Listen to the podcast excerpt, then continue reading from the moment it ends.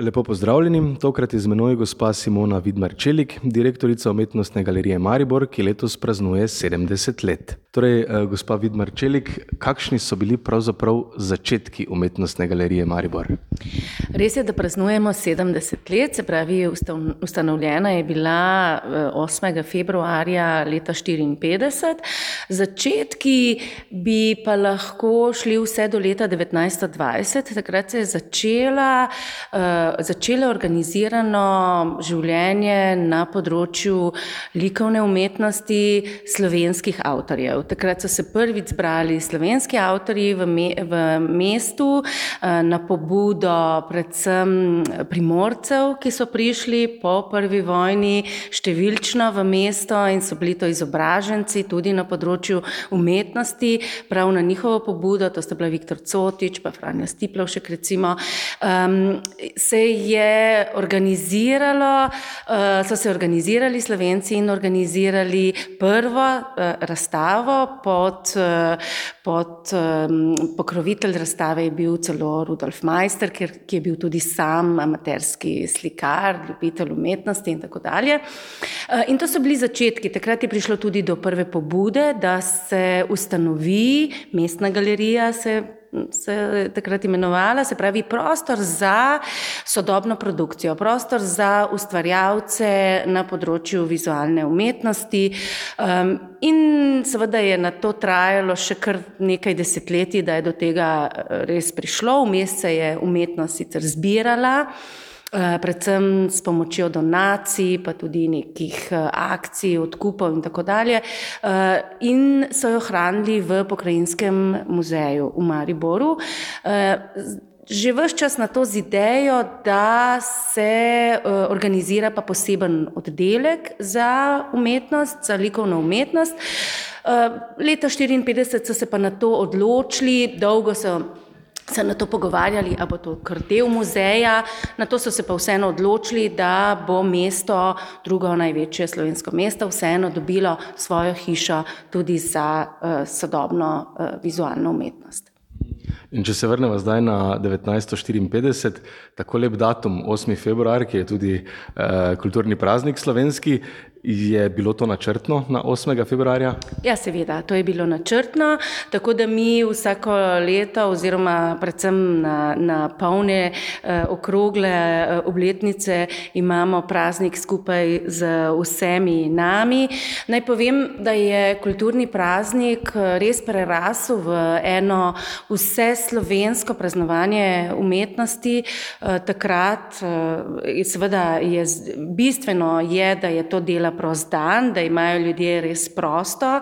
Um, in predvsem, če je sredi tedna, je galerija takrat oblegana tako kot nikoli uh, drugače. Imamo v tistem dnevu več kot 1500 obiskovalcev, tako da je predvsem naš problem uh, za 8. februar, da poskrbimo za varnost umetnin. To je glavni izziv in veseli smo, da na ta dan tudi mi praznujemo. Eh, pa da se vrnemo morda na, na prostore. Drži, da je že na začetku, se pravi 1954, ko ste se preselili v te prostore, nekako bilo mišljeno, da so to začasni prostori, vi pa v njih delujete še danes? To je res.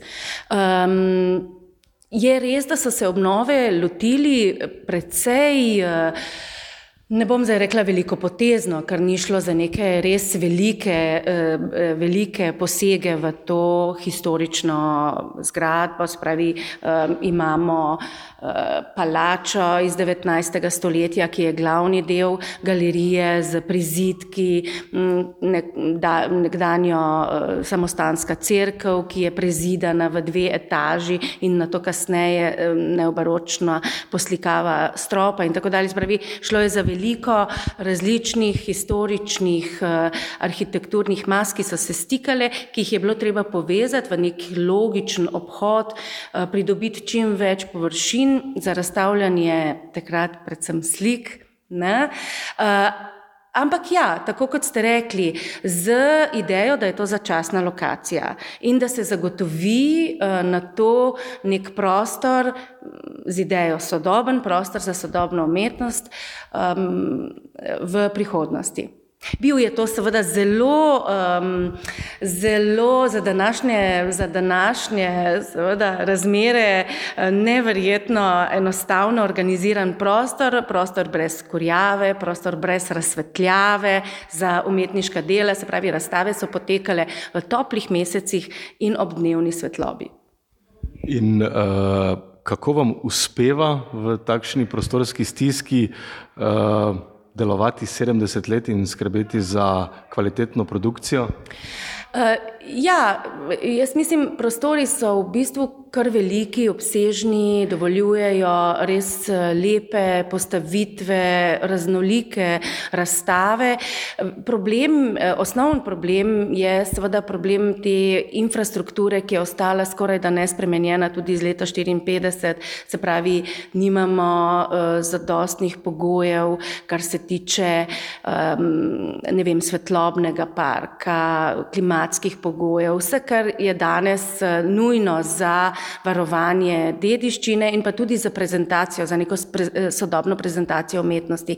Drug problem pa je že vsa leta seveda tudi to, da imamo kot muzej, eh, katera naša osnovni namen je varovanje dediščine eh, in raziskovanje te dediščine, nimamo prostora za prezentacijo zbirke, ki danes šteje približno 10 tisoč umetniških del, del slovenskih avtorjev 20. in 21. stoletja. In prav to se bo zdaj s tem velikim korakom v prihodnost eh, spremenilo. Uh, verjetno govorite o centru Rotoš, do tega bova še prišla. Uh, zanima me, um, glede na uh, vaš zadnji odgovor, ali smo morda v preteklosti bili zaradi te stiske in uh, nepravih pogojev, uh, Mariborčani in posledično Slovenci prikrajšani za kakšno res zanimivo razstavo in tega sploh ne vemo? Ja, tako je, točno tako je. Zdaj, um, ni sicer naš um, osnovni um, namen oziroma naše ustanoviteljstvo in pa naš, naše poslanstvo, ni zdaj v osnovi um, skrbeti za čim bolj, um, kaj jaz vem, prepoznavne razstave. Naša skrb je vseeno dediščina in zaradi tega imamo seveda te probleme, kot smo jih našteli. Je, je pa to sigurno res. Zdaj, eh, če nimaš razstavišča, ki omogoča pogoje za vse, oziroma ustaljene pogoje, ki so povsod nekako konsens in sprejeti, seveda ne moreš gostovati umetnin, ker ti jih eh, enostavno druge institucije ali pa privatni lastniki.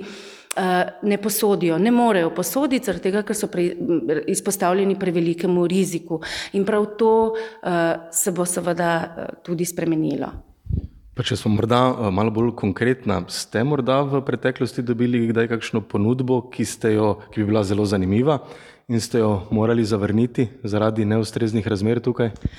Ja, tudi to je bilo, smo morali, oziroma nismo jo mi zavrnili, mi smo se še vseeno poskušali z nekimi parcialnimi rešitvami približati zahtevam, ampak so jo zavrnili na to potencijalni lastniki, se pravi eh, ti, ki bi posodili dela. Um, tako da je prišlo seveda tudi do teh uh, zelo neljubih uh, dogodkov. Uh, So pa seveda te veliki projekti povezani tudi z večjimi finančnimi uložki, ki so prav tako v preteklosti predstavljali neke nepremostljive izzive. Um. Mogoče konkretno, za kakšno razstavo je šlo? Eh, ja, v okviru EPK-ja, takrat smo sicer gostili na to Rebeko Horn, recimo, ki je tudi svetovna umetnica, ampak takrat smo bili v pogovorih z fundacijo Robert Kapa, to je eden iz naj, izmed najbolj poznanih fotografov, um, sicer mađarskega rodu, drugače del Magnuma, uh, za njegovo veliko razstavo, seveda originalnih del in do tega ni prišlo, ker pogoji niso bili takšni, kot bi morali biti. Se pravi, ni bilo pravega svetlobnega parka, ni bilo um, zahtevane, vzdrževane temperature in vlage, in ni bilo pravih depojskih prostorov. In uh, ko ste že uh, omenili uh, EPK 2012, uh, ste si obetali od tega naziva več kot umetnostna galerija?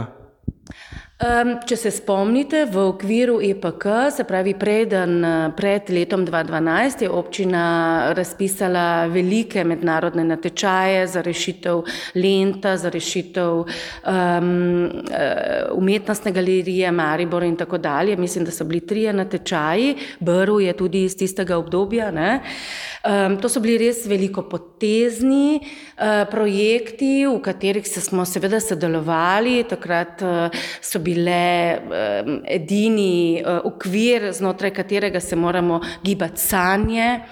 Uh, tako da nismo, uh, ni bilo razmisleka tudi ne o neki vzdržnosti in um, neki ekonomičnosti projektov. Uh, seveda, seveda so bile sanje velike, seveda so bila pričakovanja ogromna, um, ampak v resnici.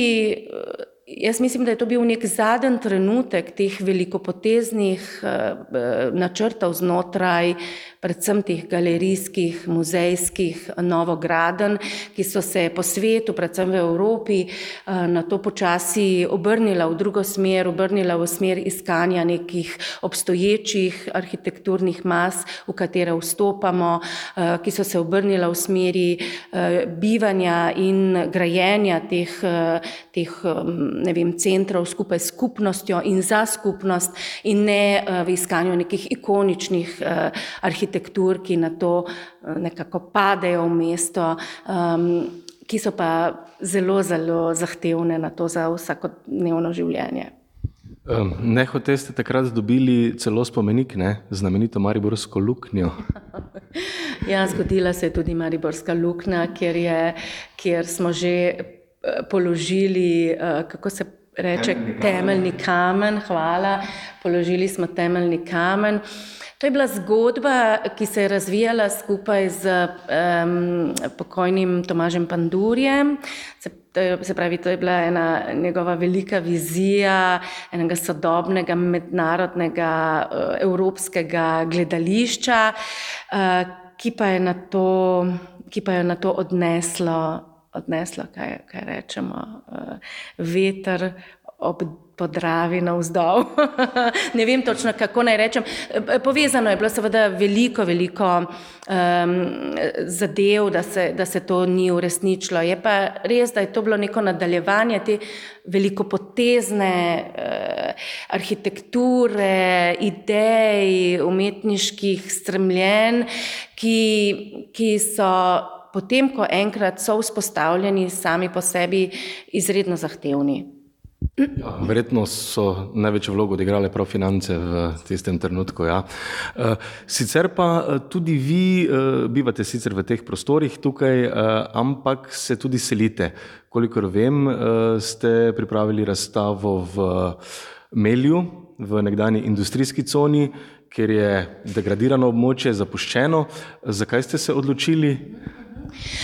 Ja, z projektom eh, Trienala Eko, se pravi umetnost in okolje, ki smo ga obudili ponovno, imeli smo eno 15-letno pauzo, v 80-ih eh, se je ustanovil ta eh, Trienale, smo prav ciljno iskali neke nek predel mesta, ki potrebuje eno pozornost, pozornost strani neke umetniške intervencije. Tako smo mi uh, takrat vzpostavili ta trienale na novo, jo razumemo kot neko vstopanje v neke predele.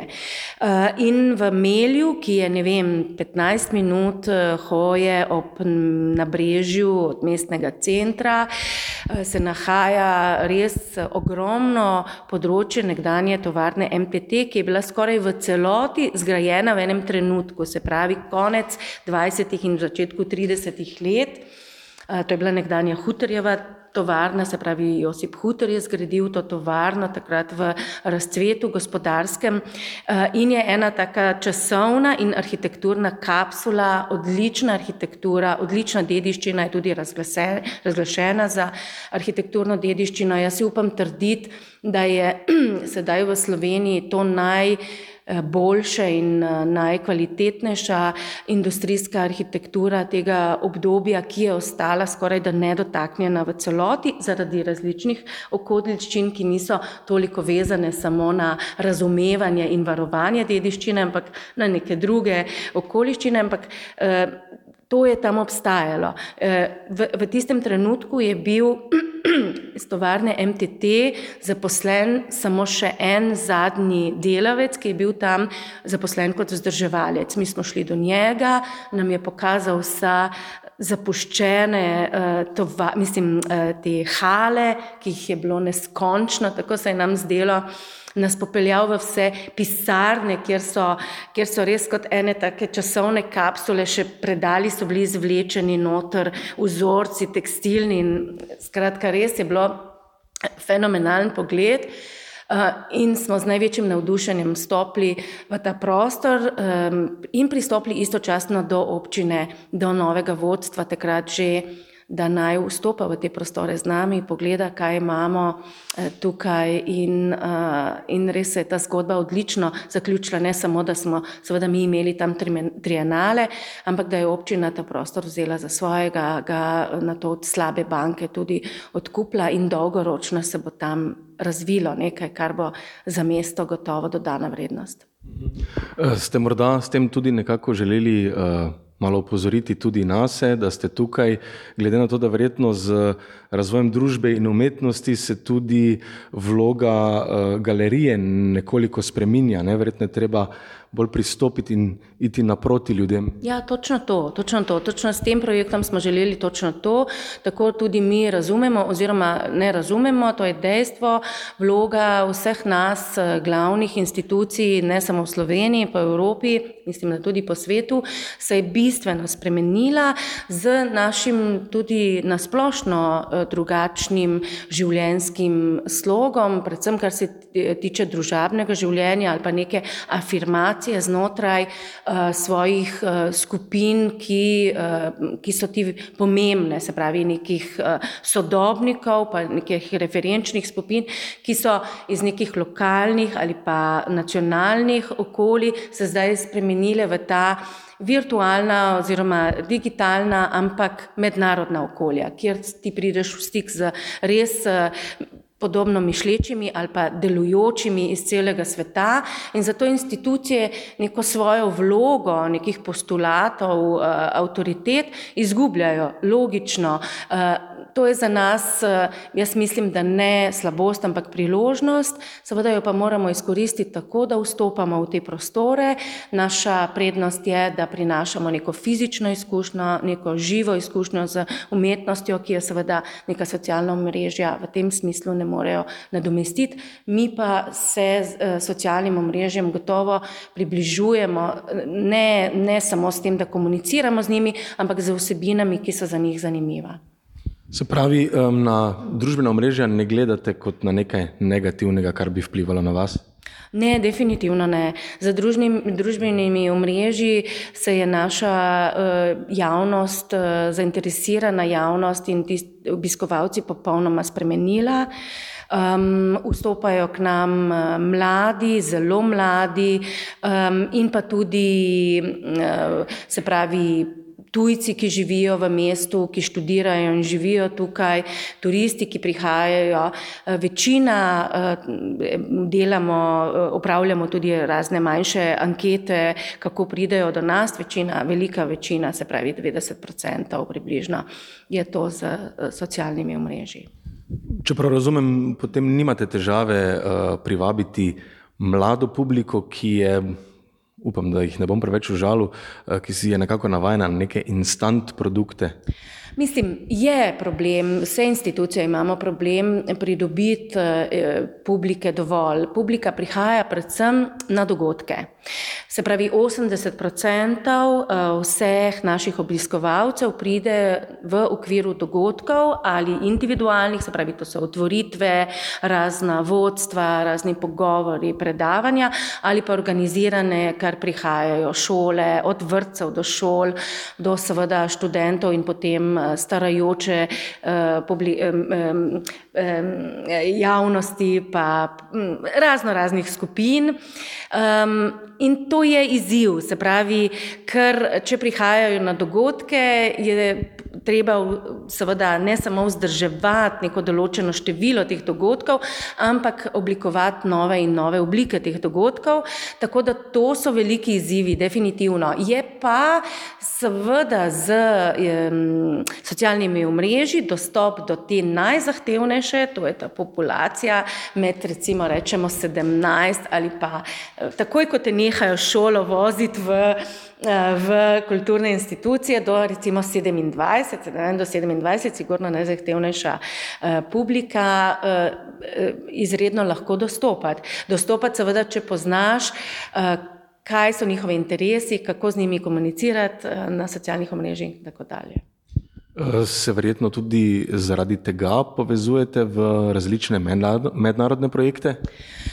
Različne mednarodne projekte, predvsem v okviru eh, se pravi Evropske unije, to so Kreativna Evropa, ki je poseben fond prav za vizualno umetnost, se vključujemo predvsem zaradi eh, dveh zadev, to je mreženje, vzpostavljanje nekih novih povezav z kulturnimi institucijami in preko tega izmenjave umetnikov. Eh, drugi enako pomemben faktor pa so seveda sredstva, ki potem pridejo pridejo neposredno iz Bruslja in je nek v gospodarskem žargonu svež dotok kapitala.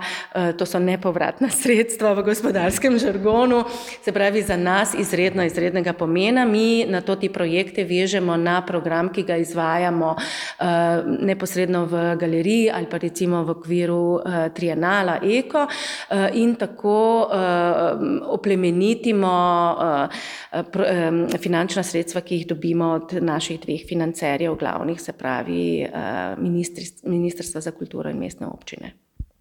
Eh, pa, ko ravno omenjate program, ehm, kaj lahko recimo od vas pričakujemo v jubilejnem letu? Uh, ja, v letu 24, se pravi 70 let, smo um, izbrali za fokus našo zbirko. To se mi zdi, da je uh, zelo um, pomembno um, in že nekaj časa zbirke tudi ni bilo na ogled. In uh, tokrat zbirko postavljamo na ogled skupaj ali pa skozi uh, prizmo, skozi oči, skozi spektr. Eh, mladega industrijskega oblikovalca Davida Tavčarja, za katerega smo neizre, neizmerno um, zadovoljni, srečni, ponosni, da se nam je pridružil, da je našo zbirko deset tisoč umetniških del pregledal, prečesal in ustvaril z njo v resnici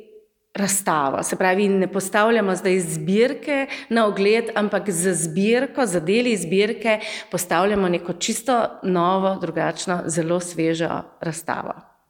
Odlično, že komaj čakamo. Uh, morda uh, začetek je točno z vašim jubilejem 8. februarja? E, ni začetek točno 8. februarja, ker takrat seveda praznujejo vsi in smo si želeli malo uh, več žarometov izboriti. Tako smo uh, predstavili otvoritev na 2. februar, to je v petek, tako da je tudi dan, ki je primeren za praznovanje. Odlično. Um, če smo morda začela v preteklosti, Pa zdaj na koncu pogleda v prihodnost. Eh, kot kaže, se vam obetajo boljši časi. Selili se boste v center Rotovš, ki mislim, da bo končan v drugi polovici leta 2025. Že kujete kakšne načrte, eh, so kakšne posebne želje za takrat? Eh, ja, gotovo. Mislim, to je res odlična, odlična poteza um, novega vo, mislim, vodstva občine. Za mesto bo pridobilo dejansko uh, prvič profesionalne prostore za galerijske prostore za sodobno umetnost, ki bo omogočila seveda stik tudi z najzahtevnejšimi um, umetnostnimi um, pogoji oziroma um, produkcijo. Um, in ja, zdaj za to uh, začetno leto, ki do, do sedaj je napovedana nekje druga polovica, konec leta 2025 za otvoritev, moramo ostati zelo fleksibilni. Se veste, to je ogromen projekt, največji projekt eh, kulturni v mestu, pa tudi eden največjih v državi, bodimo odkriti. Se so te otvoritveni datumi lahko zelo um, prilagodljivi. Ja, načrtujemo gotovo neko, neko um, kaj rečem, paleto od tega, da bo to prostor sigurno za najboljšo mestno produkcijo, do tega, da bo to prostor nekih eh, mednarodnih presežkov. Vzpostavljamo sedaj partnerstva z nekimi potencialnimi, um, potencialnimi partnerji, mednarodnimi galerijami, zasebniki v prihodnosti, da pripeljemo gotovo sem tudi neka imena, ki si jih eh, vsi želimo tudi videti. Uh, razumem lahko to kot uh, željo po morda odkupu del svetovno znanih umetnikov?